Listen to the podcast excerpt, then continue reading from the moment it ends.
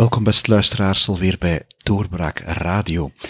24 juni 2016 was de datum van het, de dag na het Brexit-referendum eigenlijk, drie jaar geleden. En dus hebben we Harry de Pape nog eens uitgenodigd om te vragen hoe zit het nu? Wel, drie jaar terug om 4 uur 40, David Dimbleby, de, de mythische presentator van de BBC, zei het heel mooi. Hè? En the answer is, we're out. We zijn nu drie jaar verder en zitten er nog altijd in. Ze zijn er niet uit. Het, het, lukt maar niet, of het lijkt maar niet te lukken. Een soap. Het is een soap geworden, ja. Het is onvoorstelbaar.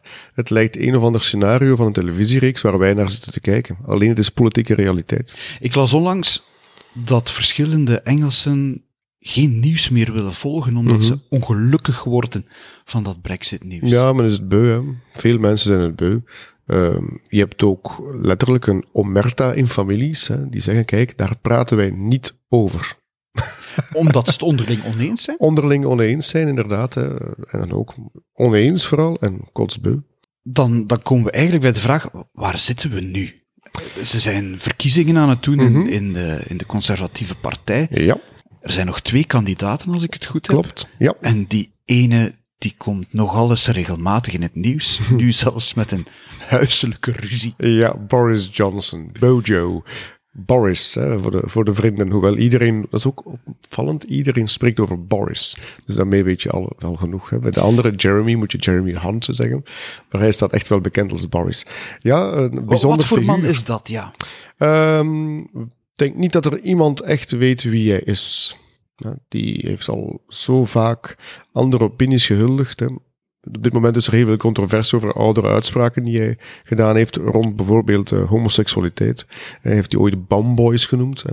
Uh, ja, moet je dat proper vertalen? Niet. Niet, oké. Okay. Uh, maar anderzijds, als burgemeester van Londen, heeft, hij van, heeft hij Londen als een homovriendelijke stad uitgeroepen. En heeft hij mee in de London Pride gewandeld. Dus ja, daarin spreekt hij zichzelf tegen. Hij heeft, ook al uh, verschillende uitspraken rond, rond moslims gedaan. En anderzijds, als burgemeester van Londen, was hij een moslimvriendelijke burgemeester. Dus hij heeft niet echt duidelijk een profiel. Denk ook maar aan zijn houding rond de Europese Unie. Als burgemeester van Londen was hij heel positief over de Europese Unie. En dan wordt hij uh, het boegbeeld van de anti-EU-campagne tijdens het referendum. Dus hij heeft niet echt een duidelijke lijn, hij heeft vooral zijn eigen lijn. In functie van zijn eigen carrière vooral. Hij draait zijn opinie nog wel eens met van waar de wind komt. Juist, ja, ja eigenlijk wel. Je zou maar je moet wel zeggen, um, het is een succesvol politicus wel. Het is een comeback hit. Hè. Hij is al heel vaak afgeschreven geweest van, nu is de carrière van Boris Johnson voorbij. En dan, dan staat hij er terug. Niemand had hem ooit een cent gegeven dat hij burgemeester van Londen zou worden. Hij is het twee keer geworden. Mhm. ja. Hij wordt al jarenlang uh, de man genoemd uh, die uh, de premier zal worden van het Verenigd Koninkrijk. Hij heeft dat zelf ooit nog in de Verenigde Staten in, in een interview voor een talkshow nog gezegd. de kans is zeer klein dat ik ooit premier word. Kijk, hij is nu de grootste kans hebben om premier te worden worden. Dus hij keert altijd maar terug. De grootste kanshebber, maar ook hier bij ons in de media, mhm. wordt hij toch afgeschreven als een onbetrouwbaar individu. Ja. Is hij dat? Um, ik, zal, zal, het anders uh, stellen. Het is geen idioot. hij wordt vaak ook afgeschilderd als een mhm. soort van idioot. En dat is hij absoluut niet. Hè. Uh, ik ken maar weinig politici die gewoon uit hun blote hoofd uh, de Ilias in het Grieks, oud-Grieks kunnen reciteren. Die man doet dat, hè. die begint daaraan. Hè. Die kan je urenlang bezighouden met de Ilias te reciteren. Dus is, is zeer intelligent. Hè. Um, maar um, ja, hij heeft, hij heeft een, een, een, en dat is toch een karaktereigenschap, denk ik. Hij rijdt echt voor zichzelf, wat hem wel onbetrouwbaar maakt. Ja. En, en dan komt hij nog eens heel eigenaardig in het nieuws. Met die, ja... Een huiselijke ruzie. Ja, ja. Toch ook onvoorstelbaar voor ons ja. in Belgische politiek is zoiets onvoorstelbaar. Ja, het is ook de anglo-saxische wereld en daar speelt het privéleven veel harder mee dan in onze politieke wereld, waar het toch, denk aan Yves Leterme met zijn vreemde sms'jes, dat heeft niet veel impact gehad op de man zijn carrière. In het Verenigd Koninkrijk en ook in de Verenigde Staten heeft dat heel veel impact. Toch een kanttekening mee maken, die toch ook wel interessant is. De buren die die klacht hebben, of mhm. die de politie hebben gebeld, dat zijn... Die opnames hadden gemaakt van de ruzie. Ja, die eerst opnames maken en dan de politie bellen. En dan ook nog eens naar The Guardian bellen en die opnames aan The Guardian af, afleveren, blijken Labour-supporters te zijn, aanhangers van Labour, die ook wel uh, ja, overtuigd Remainers zijn, dus tegen de uitstap uit de Europese Unie. Dus er hangt wel ergens een politieke geur aan heel het schandaaltje. De politie had ook heel duidelijk gesteld, er is niets aan de hand. De twee partijen, Boris Johnson en zijn vriendin, vriendin uh, Carrie Simmons, zeggen allebei, er is niets aan de hand, we hebben gewoon ruzie gemaakt. En toch wordt dat een hele zaak in de krant. Wanneer er zal, zou blijken dat er echt wel huiselijk geweld gepleegd is, mm -hmm. wanneer als die Carrie Simmons klachten dient, dan is zijn, mag je een kruid over maken over heel zijn campagne. Maar zolang het bij geruchten blijft en zolang het bij dit feit blijft, lijkt het mij een storm in een glas water te zijn. De andere kandidaat, mm -hmm. Jeremy Hunt, uh, op ja. dit moment minister van Buitenlandse Zaken. Daar horen wij heel weinig over hier bij ons. De man die bekend staat als Tit. Theresa in trousers. ja. uh, yes, Ook onvoorstelbaar in onze politiek, toch? Ja. Iemand die van andere politici zo'n bijnaam krijgt. Ja. Hij klaagt ook dat men hem voortdurend Jeremy Kant noemt. Hè.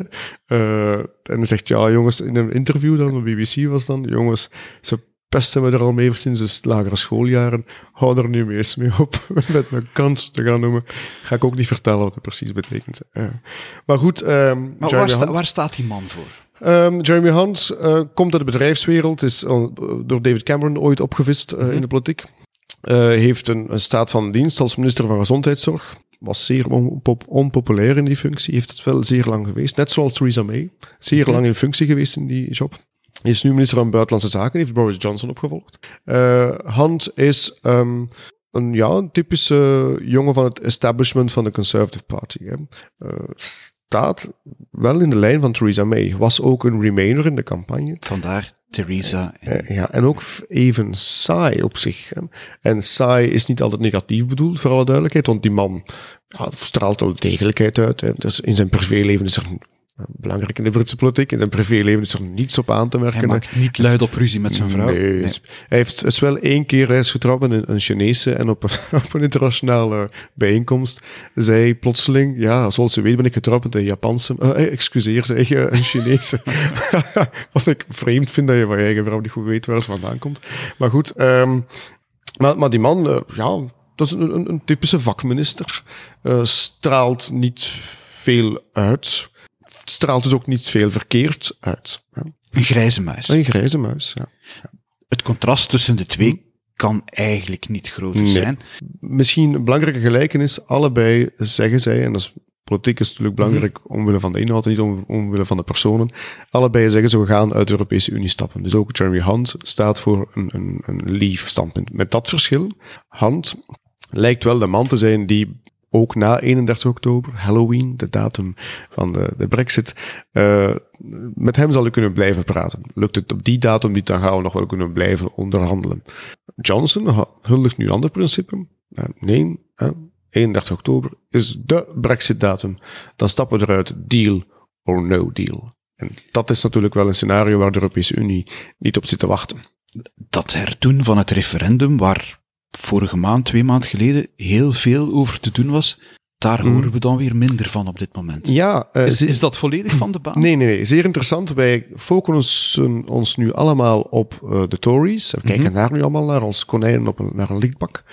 Maar intussen, op dit moment, is er een hele discussie aan de gang binnen Labour. Al, die is al heel lang aan de gang, hè, want je hebt daar mm -hmm. twee Labour kampen. weet ook niet goed wat Klopt, ze eigenlijk moeten Maar ja. uh, Tom Watson heet die, een belangrijke figuur binnen Labour, heeft nu op de tafel gelegd in het partijbestuur wij moeten een Remain-partij worden, waarbij we voor een tweede referendum gaan om niet uit de Europese Unie te stappen. En dat debat is daar nu volop losgebarsten. Uh, Jeremy Corbyn, de partijleider, is nog steeds zijn voet ervoor. Maar het, het ziet er naar uit dat hij misschien wel eens bakzeil uh, zal moeten halen. Hè. En dus dat, uh, dat Labour zich zal profileren als de Remain-partij. Waarom? Na de Europese verkiezingen van onlangs ja, de Liberal Democrats zijn plotseling teruggekeerd -hmm. uit het niets als de, de partij die uh, het Verenigd Koninkrijk in de Europese Unie zal houden. En Labour heeft daar, heeft daar uh, electoraal gebloed naar ja. uh, de Liberal Democrats. En vandaar die discussie losbarst. En heel opvallend, het is nu in de schaduw. Het valt niet, het, het, het valt niet in, de, in het oog van de media, dankzij die ruzie, of ja, ruzie is dat niet, dankzij die campagne binnen de Tories. Omdat, ja, al die aandacht naar de Tories, mm -hmm die zijn op dit moment natuurlijk ook nog altijd aan de macht. Ja. Als zij nu kiezen voor zo'n Johnson of zo'n Hunt, zal dat veel verschil maken? Goh, als je het, de retoriek mag, horen, mag, mag geloven, wel hè. Stel nu, hè, en de kans is heel groot dat Johnson het wordt, tenzij er plotseling bewijs is van huiselijk geweld, zoals ik al zei. Hè. Uh, de kans is zeer groot dat hij het wordt. Wel, uh, gaat hij zijn woord gestand houden, zal hij effectief zeggen, 31 oktober, we stappen eruit, deal or no deal, of managed no deal, is ook zo'n term. Maar wat betekent dat dan eigenlijk? Een managed no deal. Ja, of, of een no deal op zich. Ja, gewoon... no deal, op, eventjes fysiek, of, of uh, ja, fysiek voor te stellen, letterlijk alle grenzen worden opgetrokken. Het Verenigd Koninkrijk stapt uit de Europese Unie zonder, zonder akkoord. Zonder iets, ja. Betekent ook zonder een of andere betaling aan de Europese Unie. Iets. Mm -hmm. We stappen er gewoon 40 uit. miljard. Voilà, ongeveer. Hè. Uh, ook uh, geen, enkele, geen enkel handelsakkoord, niets. We zijn eruit. Dat heeft ook heel nadelige gevolgen voor de handel van Vlaanderen ja, zeker. naar Engeland. Laten we het, Koninkrijk. Beeld het u zo in dat je letterlijk rijen zult zien staan aan een gesloten Britse grens. In Zeebrugge. Ja.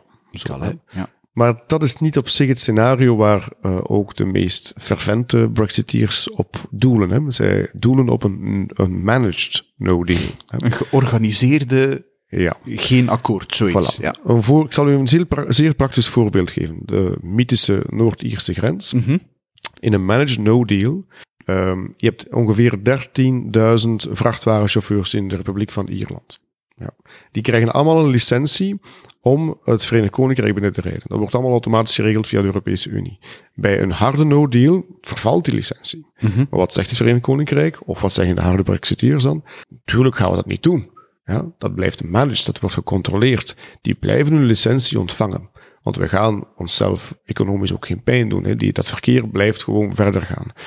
Maar we weten wel, er moet intussen tijd opnieuw dus terug van nul, een soort van onderhandeling ontstaan, opdat die licenties in orde blijven. Heel het akkoord van Theresa May is gewoon in de vuilnisbak gegooid. We beginnen gewoon helemaal opnieuw.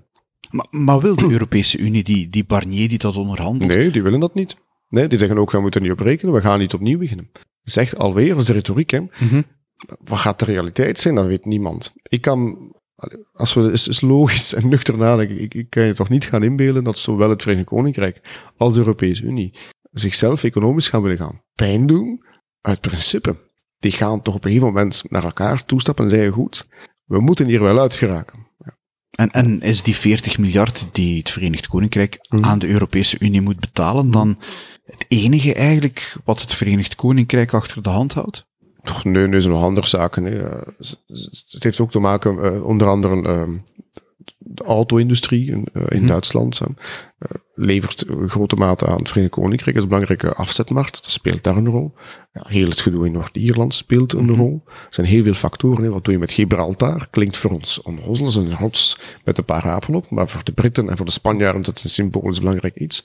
Wat doen we met Schotland? Mhm. Ook zoiets. Hè. Daar hebben we het vorige keer over Ja, gehad. ja. Uh, ook interessant, um, Jeremy Hunt speelt zowat de Schotse kaart, heeft ook Schotse voorouders. Uh, en dat zorgt ervoor, als je de peilingen, alweer peilingen, hè, als je peilingen mag geloven, dat de Schotten nog, nog onderhand nog enige vorm van rust vertonen. Maar als je dan de vraag stelt aan de Schotten, wat als Boris Johnson premier wordt, dan zie je plotseling hè, alle, alle tellers op rood staan.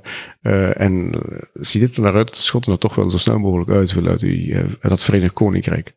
Volgens al die peilingen. Dat moeten we natuurlijk nog allemaal nog zien. Hè. ja, allemaal die kwesties, hè, wat, wat gaat er daarmee allemaal mee gebeuren? Het is een zeer, zeer ingewikkeld kluwen en het, het vreemde aan de hele zaak is, in het hele politieke debat, nu ook in het voorzittersdebat van de conservatieve partij, het wordt voorgesteld alsof het iets eenvoudigs is en mm -hmm. iets simpels is. Wanneer moeten de, de Britten eigenlijk naar de stembus? Uh, als er verkiezingen worden, worden uitgeschreven, als, hè, stel nu dat Boris Johnson uh, uh, premier wordt en ehm, er komt een soort van no-deal scenario of een hele politieke ruzie, dan zou er officieel gaat men niet voor verkiezingen gaan, maar er wordt achter de schermen wel voorbereid om verkiezingen te laten uitschrijven. En dan krijg je misschien echt wel een, een campagne rond stem op de Tories voor de Brexit-partij dan. En in die, op die manier hopen ze dan Nigel Farage aan de kant te duwen. En aan de andere kant misschien Labour, dat zich dan profileert als stem voor een Remain-partij. Een referendumverkiezing, zoals in Catalonië. Dat, ja. Die kans zit erin. Hè, die kans zit erin. Nu, wanneer wordt Johnson premier, of wanneer wordt Hunt premier? Ergens rond de 20ste juli. Ah, dus dat is niet voor binnenkort. Uh, rond de 20 juli. En dat is vreemd genoeg, dat heeft te maken met de koningin. Die zit eens op vakantie in Schotland. En okay, ja. uh, de politieke klasse, uh, dat is een ongeschreven wet. Je mag niet de, de, schijn opwekken dat de politieke klasse, de koningin, gebiedt om naar Londen te komen, om dat allemaal te, constitutioneel te regelen. Dat doe je niet. dat is onbeleefd. Dus men houdt nu rond de 20 juli, en wellicht achter de schermen wordt er met het Hof onderhandeld wanneer zal haar majesteit het goed vinden om naar Londen te komen. En zij zal zeggen, ik zal op die datum afzakken naar Londen. En zij zal dan het ontslag van Theresa May aanvaarden en meteen een nieuwe premier aanduiden. Want zij duidt een premier aan. Hè. Dus de brexit is wel een, een groot probleem, maar mag de vakantie van haar majesteit niet uh, uh, verstoren? nog steeds, vergeet niet, de koningin staat boven de Europese wetgeving. het blijft toch een verrassend land, Harry. Kom het is een boeiend en een prachtig land. Dat hebben trouwens de reizigers van de doorbraakreis ja. ook gezegd dat het een zeer fascinerend land is. Ik kan dat enkel beamen. Waardoor we met het idee spelen om ook volgend jaar nog eens ja, naar Engeland ja, te gaan? Ja, we zouden uh, de omgeving van Oxford en de Cotswolds uh, bezoeken. Blenheim Palace, uh, de geboorteplek van Churchill, onder andere. Het zit allemaal in hersenpan om uit te schrijven. Maar voorlopig moeten we dus nog even wachten of dat al dan niet in een gebrexit ja. land zal zijn. Zal het Brexitania zijn of Britannia? Dat gaan we nog wel zien. Ja, Britannia rules the waves. Zo is dat. In het hoofd toch, ja. Harry, hartelijk bedankt. Graag gedaan. We zijn weer wat wijzer geworden, maar ik vermoed dat we het er nog zullen over hebben. Ongetwijfeld. Tot een volgende keer. Dag.